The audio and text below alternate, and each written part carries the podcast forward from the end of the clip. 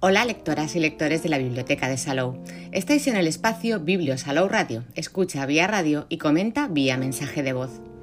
Hoy es viernes 22 de enero y el podcast de hoy os hablará de lo que podemos encontrar en las redes sobre otra de las novedades de febrero de la biblioteca. Con esta nueva reseña os presentamos el cómic La Divina Comedia de Oscar Wilde de Javier Di Susi, que fue Premio Nacional de Cómic y Premio de la Asociación de Autores de Cómic de España el pasado 2020. La Divina Comedia de Oscar Wilde de Javier Di Susi explora los tres últimos años de vida del ilustre escritor Oscar Wilde, que murió exiliado en París en noviembre de 1900 a la temprana edad de 46 años, tan solo tres después de salir de prisión en la más absoluta ruina moral y económica, fuertemente alcoholizado e incapaz de escribir una sola línea. El escritor, dramaturgo y poeta irlandés entendía la vida como una obra de arte y, según dijo en numerosas ocasiones, era en su vida donde había puesto todo su genio, mientras que en su obra solo había depositado su talento. Le gustaba mirarse en el espejo de la Divina Comedia y comparar sus momentos vitales con los de la obra de Dante. Su vida era el drama perfecto de quien ha alcanzado todo lo que el mundo podía ofrecerle para luego perderlo de golpe.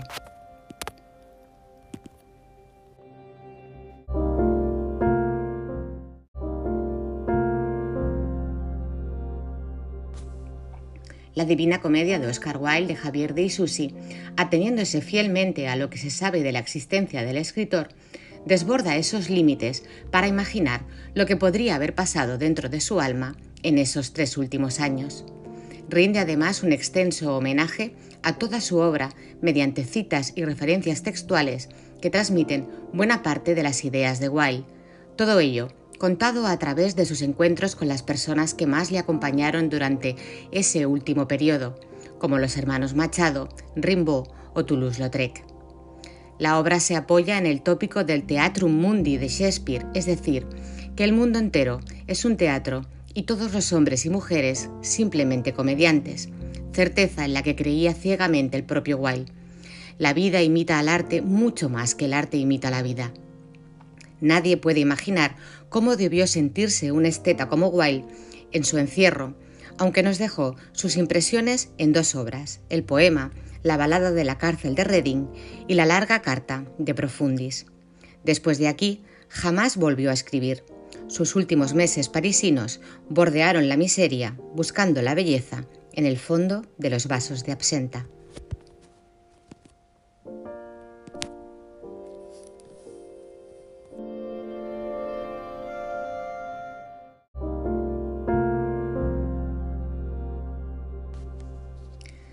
Y Susi Ilustra esta novela gráfica a través de la técnica de la acuarela, utilizando únicamente el color sepia y su degradado, que traslada a la perfección a ese decadente círculo infernal final de Wilde.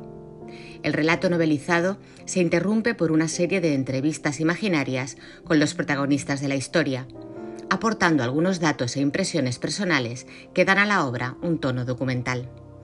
En todos sus pequeños detalles comprobamos que Javier de Isusi es un apasionado de Wilde. De hecho, en 2012 ya había ilustrado la novela El retrato de Dorian Gray.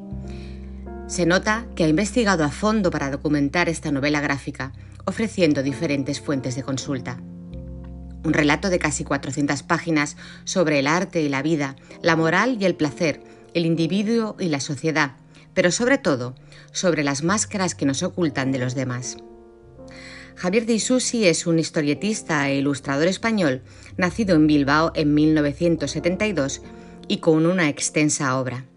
En las bibliotecas del Sistema de Lectura Pública de Cataluña podéis encontrar otras obras suyas, como son Asylum, He visto ballenas, El retrato de Dorian Gray, Ometepe, la isla de los volcanes y las mil historias, La partida del soldado, En la tierra de los sin tierra, Río Loco, la pipa de Marcos, La isla de Nunca Jamás e Historias del Olvido. En Biblio Cataluña no hay ninguna de sus obras. Lo hemos buscado en las redes y Javier de Isusi no tiene perfiles propios en las redes sociales, así como tampoco página web propia. Pero podéis encontrar amplia información sobre el artista y su extensa obra en la página web de la editorial Astiberri quien lo publica en España.